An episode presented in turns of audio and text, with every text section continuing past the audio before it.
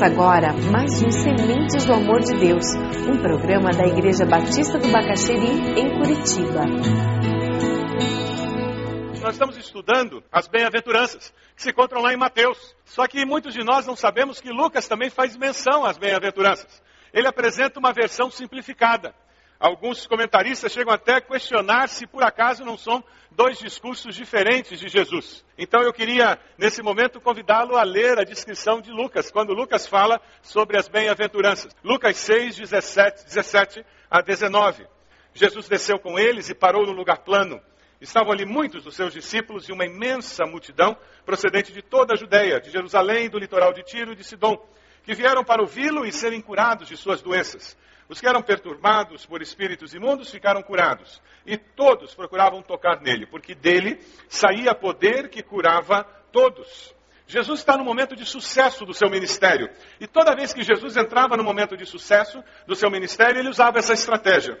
Ele trabalhava com um discurso mais duro. Jesus não estava atrás de popularidade. Ele não queria ganhar concurso de popularidade. Ele queria levar as pessoas a buscarem a Deus. Então, quando as pessoas começavam a vir atrás da bênção, ao invés de incentivá-las. Quando ele percebia que as pessoas estavam vindo demais atrás da bênção, estavam correndo demais atrás do que Deus podia dar para elas, ele endurecia o discurso, porque Jesus queria discípulos e não pessoas que corriam atrás da bênção. Nos nossos dias nós temos muita gente assim. Quem sabe você veio hoje aqui e você veio atrás da bênção. Você quer cura, quer resolver o problema da sua família, você quer resolver o problema profissional, você quer resolver o problema financeiro.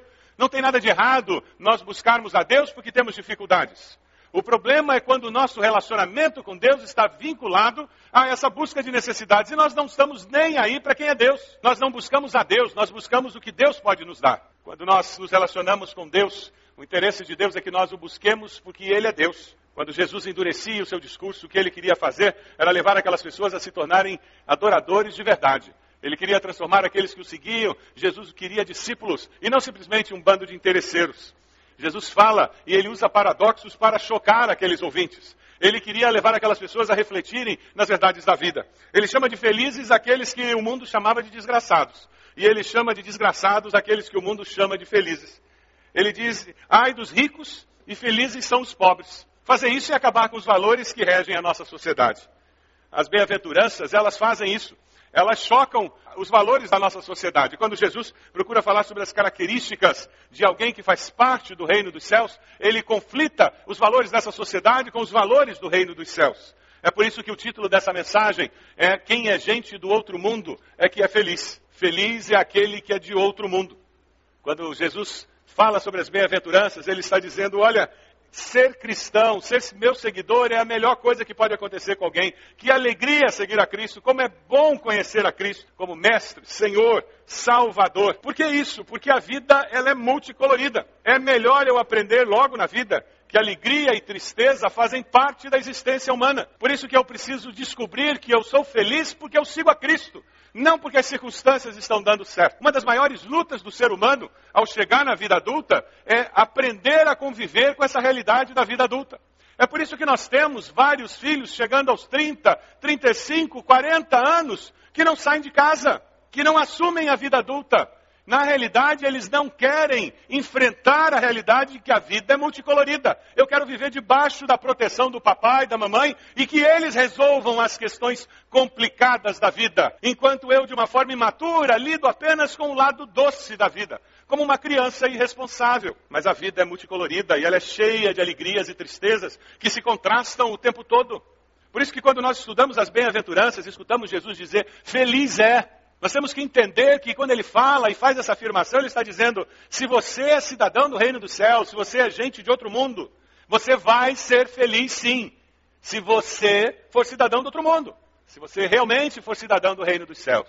Um comentarista, Malti, ele faz um comentário que eu achei muito interessante, eu queria repartir com vocês. Ele diz: Jesus prometeu três coisas aos seus discípulos que jamais teriam medo, que seriam absurdamente felizes e que constantemente estariam em dificuldades. Dá para ser mais objetivo que isso? Simples, rápido, direto, objetivo. Jesus sabe Ele sabia que nós passaríamos por dificuldades, mas ele também sabia que com ele nós teríamos vitória, nós enfrentaríamos as dificuldades e nós seríamos felizes. Foi por isso que ele começou aquele sermão do monte, quando ele fala sobre as características do cidadão do reino dos céus, daquele que seria o seu discípulo, e ele diz: eles vão ser felizes. Lá em Lucas, abra sua Bíblia lá, mantenha aberta em Lucas 6, a partir do versículo 20, você vê a versão simplificada das bem-aventuranças. A partir do versículo 20, olhando para os seus discípulos, ele disse: Bem-aventurados vocês, os pobres, pois a vocês pertence o reino de Deus. Bem-aventurados vocês que agora têm fome, pois serão satisfeitos. Bem-aventurados vocês que agora choram, pois haverão de rir. Bem-aventurados serão vocês quando os odiarem, expulsarem, insultarem, eliminarem o nome de vocês como sendo mal por causa do Filho do Homem.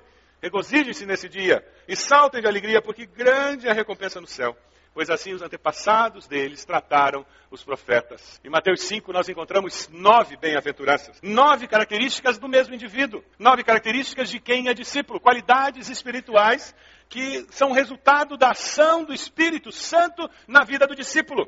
A palavra Macários no grego, bem-aventurado, quer dizer feliz. Mas não é um feliz que está sendo construído ou que acontece de vez em quando circunstancialmente. Aquela palavra feliz no grego, ela tem o sentido de algo que existe, que aconteceu é feliz. É interessante porque Jesus não está falando que se alguém fizer isso vai ser feliz. Ele está dizendo é feliz. Quem é discípulo tem essa possibilidade de viver uma vida bem-aventurada. Quando nós estudamos a primeira bem-aventurança, que está no capítulo 5, versículo 3 de Mateus, bem-aventurados os pobres em espírito, pois deles é o reino dos céus, aquela que abre a sequência das bem-aventuranças, nós começamos a estudar o que significa ser gente de outro mundo. A Bíblia, na linguagem de hoje, faz uma tradução muito boa dessa palavra pobre. Algumas pessoas têm mania de achar que esse pobre tem a ver com pobreza financeira, mas a linguagem de hoje faz uma colocação muito felizes as pessoas que sabem que são espiritualmente pobres, pois o reino do céu é delas. As pessoas que sabem que são espiritualmente pobres. Você é espiritualmente pobre? Você se considera espiritualmente pobre? O que Jesus está dizendo é que se você se considera espiritualmente pobre, um carente espiritual, você vai ser feliz. É isso que ele está dizendo. Orgulho e autossuficiência, desde o começo da humanidade, tem sido o nosso grande problema. Foi o problema de Adão e Eva e continua sendo o meu problema e continua sendo o seu problema. E enquanto existir ser humano, vai ser o nosso problema. Por isso que Jesus começa as bem-aventuranças dizendo: Você quer ser feliz? Ótimo. Acabe com seu orgulho e a sua autossuficiência.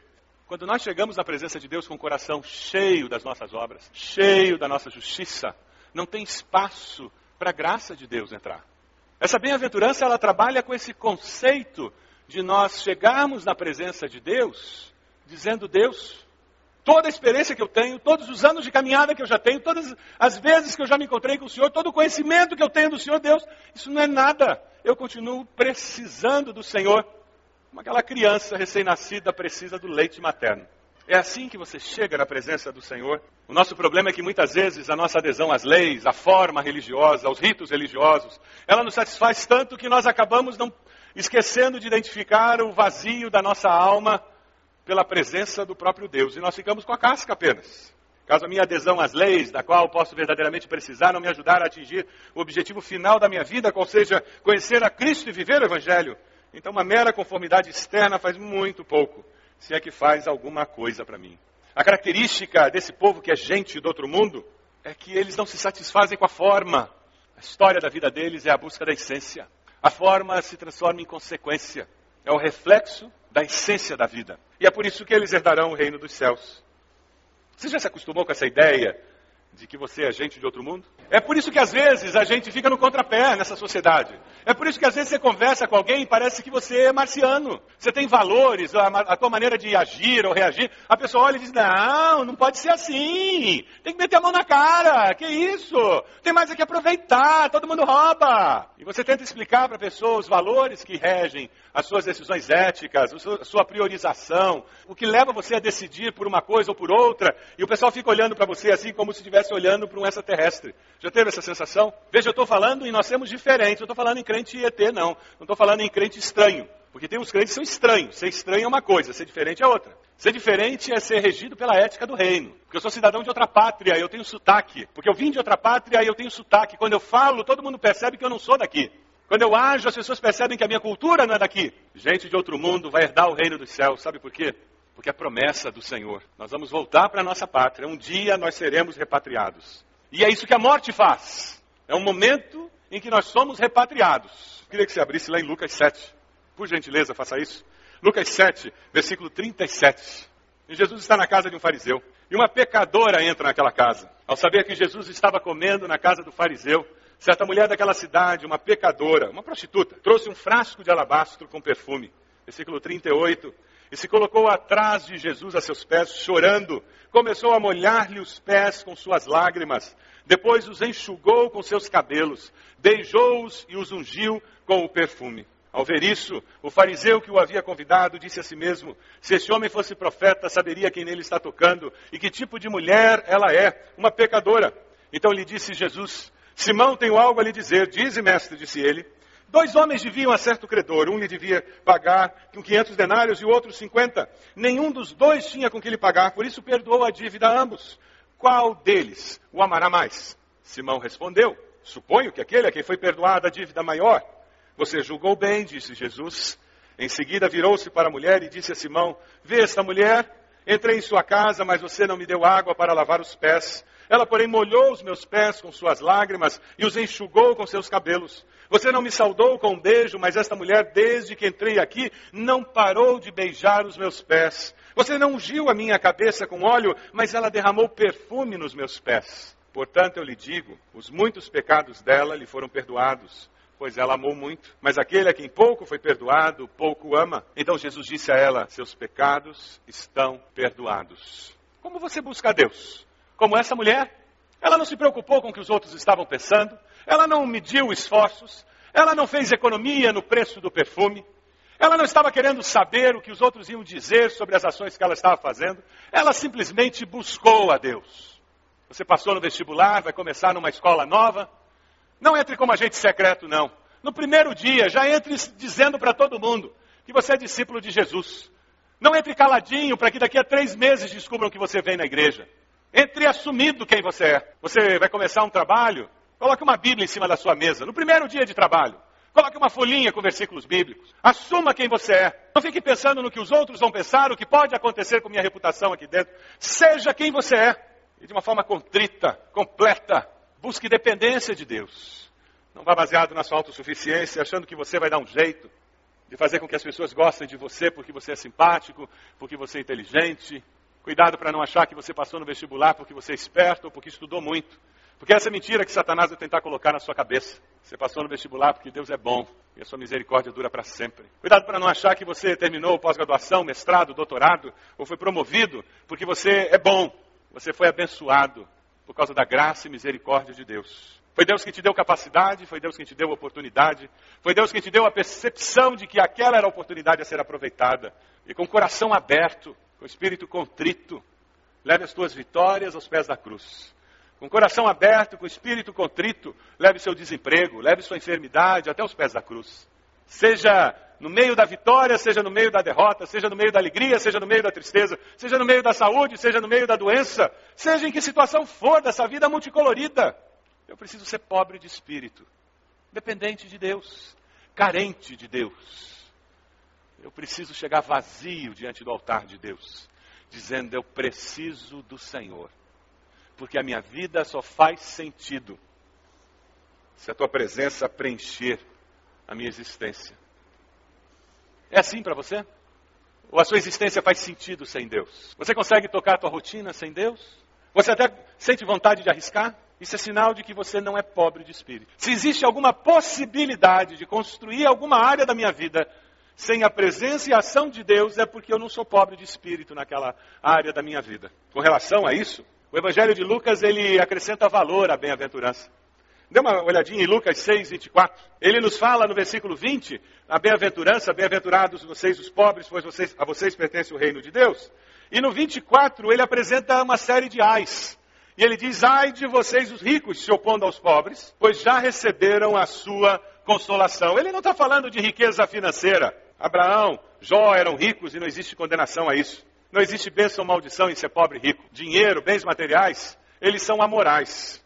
Como você se relaciona com os bens materiais é que agrega valor moral a eles. A mesma nota que paga o médico, paga o traficante. O mesmo dinheiro que paga a mensalidade escolar, paga o matador de aluguel. Dinheiro, bens materiais são amorais, como eu uso e como eu me relaciono com eles, é que agrega valor moral a eles. Quando você ouve sobre uma oferta para missões, como o seu coração reage a isso? Isso fala sobre pobreza de espírito. Fala sobre o quanto dinheiro tem lugar na sua vida. Quando você fala sobre, você ouve sobre construir relacionamentos significativos com outras pessoas, investir tempo nisso, deixar de fazer algumas coisas que você gosta para abençoar outras pessoas. Isso fala sobre pobreza de espírito. O quanto eu estou disposto a abrir mão de vontades e privilégios e lazer para ser usado por Deus na vida de outras pessoas. Algumas pessoas valorizam mais a aprovação e louvor dos homens do que a aprovação de Deus. Outros preferem os prazeres dessa vida ou a falar da felicidade desse mundo e, por causa disso, não abandonam nada. Eles perdem a verdadeira vida por não abandonar a vida que eles conhecem na vida daqui. Existem muitas pessoas que, infelizmente, veem os milagres de Jesus, estão na igreja, convencidos da verdade do Evangelho, mas nunca renunciaram coisa alguma por amor a Cristo. Estão na igreja, conhecem a verdade do Evangelho, convencidos dela, mas nunca renunciaram coisa alguma por amor a Cristo. Não são pobres de espírito. No seu coração não tem espaço para esse mover do Espírito de Deus. As bem-aventuranças e os ais são um desafio. Elas são uma espécie de bomba do tempo, que vão explodindo as estruturas do pecado em nossas vidas. Basta você deixar e vão nos libertando do pecado e nos tornando pessoas mais felizes. É disso que Jesus está fazendo. Agora, a escolha é nossa, a escolha é sua, é minha. Você pode escolher o caminho largo ou o caminho estreito. Qual caminho você vai escolher? O largo ou o estreito? Jesus nos disse: o caminho largo, fácil, cômodo, confortável leva à perdição. O estreito do discipulado, da decisão difícil, do preço a ser pago, é o caminho do povo do outro mundo. Porque esse é o caminho que leva ao reino dos céus. É por isso que o apóstolo Pedro, na carta de Pedro, nos diz: Antes, santifiquem Cristo como Senhor em seu coração. Vamos ler juntos esse versículo? Antes, santifiquem Cristo como Senhor em seu coração. A vida é cheia de momentos bons e momentos ruins. Momentos de extrema alegria e momentos de profunda tristeza. Momentos que são diferentes, mas que vivemos com o mesmo Deus. O segredo da vida feliz é não nos enchermos de orgulho nem de autossuficiência, é sermos pobres de espírito. William Barclay faz um comentário interessante quando ele diz: Quem é pobre de espírito descobriu que as coisas desta vida não significam nada e que Deus significa tudo. Quem é pobre de espírito descobriu que as coisas desta vida não significam nada e que Deus significa tudo. É feliz quem reconhece sua total incapacidade para viver e a sua total confiança em Deus para viver. Você é pobre de espírito? Sinceramente, olhando para o seu coração? Verdadeiramente? Sinceramente? Você crê que as riquezas, que os prazeres desta vida, que a popularidade com os homens, você de fato crê que são temporários e dispensáveis para ser feliz. Sinceramente, verdadeiramente você crê que as riquezas, os prazeres dessa vida, a popularidade com os homens são temporários e dispensáveis para ser feliz? Olhe para dentro do seu coração. Se você quer de fato experimentar essa felicidade dessa bem-aventurança, você precisa pegar esse desejo de ter riqueza e colocar os pés da cruz. Aí você vai criar espaço no teu coração para que Deus possa preencher com a riqueza do céu. Aí você tira a tua necessidade de aprovação dos outros e põe aos pés da cruz e, e surge mais espaço para que Deus coloque com a riqueza da presença dele. E você tira aqueles outros ídolos que você colocou no seu coração e Deus tem condições de colocar outra riqueza aí. Você acredita que pobre, que é pobre espiritualmente e que precisa da riqueza da presença de Deus na sua vida? Essa é a primeira pergunta que eu faço a você hoje, meu irmão, minha irmã. Quem acredita que é pobre espiritualmente, carente de Deus? vai até a cruz com o coração vazio, dizendo: Deus, riqueza, popularidade, essas metas que eu tenho, esses sonhos que eu tenho, não são nada comparado com a presença do Senhor. Foi isso que o apóstolo Paulo quis dizer quando ele disse: Tudo que eu fiz, tudo que eu tenho, todo o conhecimento que eu tenho, eu considero como perda. Quando eu comparo com a beleza, com a grandeza, com a maravilha do conhecimento de Cristo Jesus. Você pode fechar seus olhos? O desafio dessa noite é nós olharmos para dentro de nós. E quem sabe você vai descobrir hoje à noite o porquê que a sua vida devocional não deslancha. Por que a sua vida espiritual está paralisada há tanto tempo? Porque existem ídolos dentro do seu coração, como daquele jovem rico. E toda vez que você chega na presença do Senhor e Ele coloca um desafio diante de você, você acaba saindo entristecido porque você não, não abre mão. E como tem alguma coisa no teu coração, não tem como a riqueza da presença do Senhor penetrar.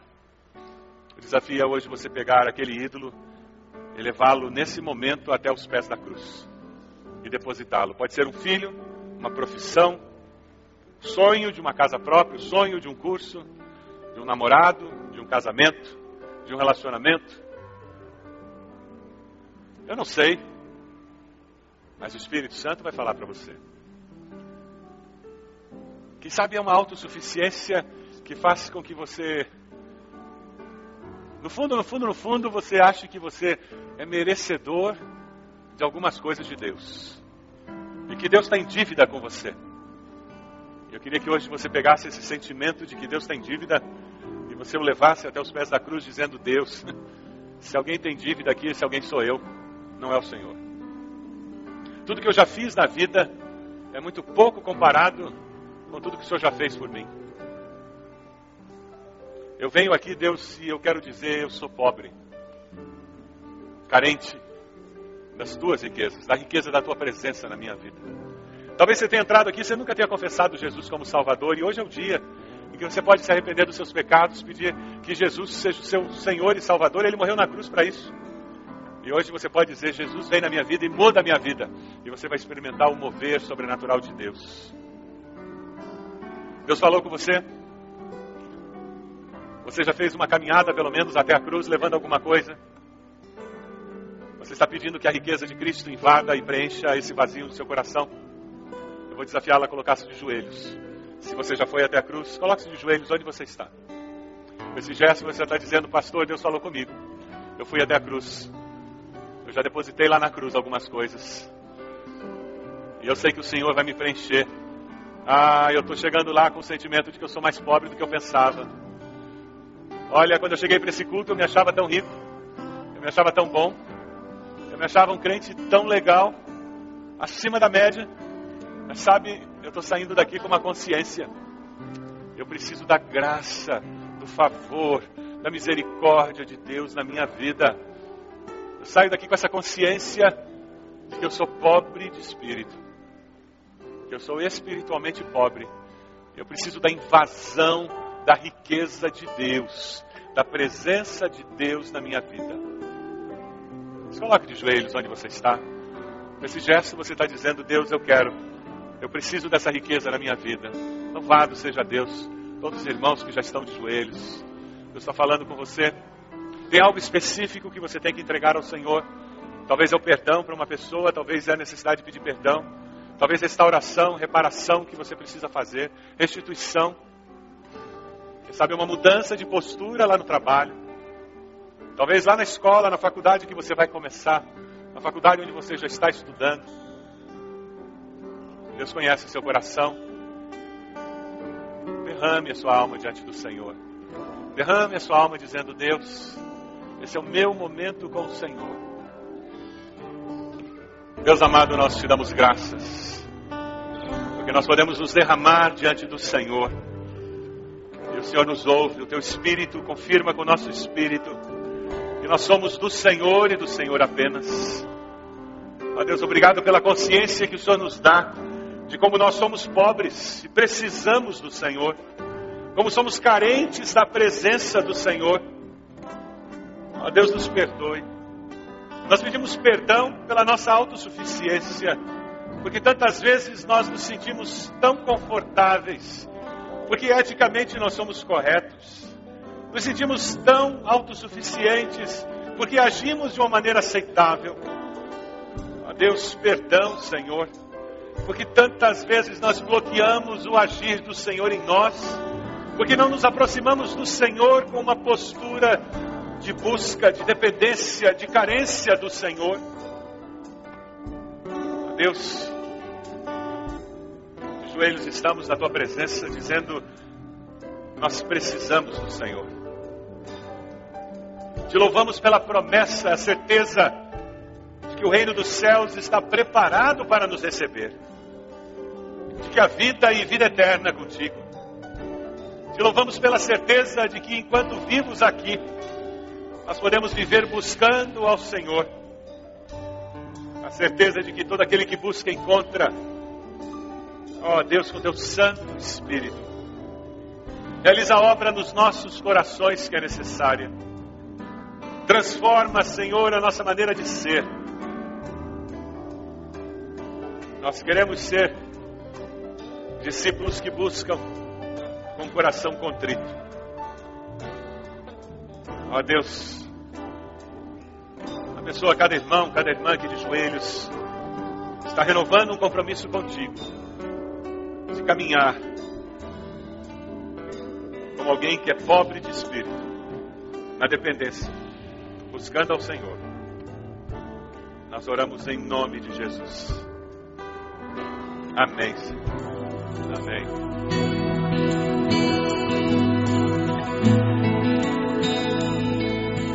Este foi mais um programa Sementes do Amor de Deus, com o pastor Roberto Silvado, da Igreja Batista do Bacaxeri.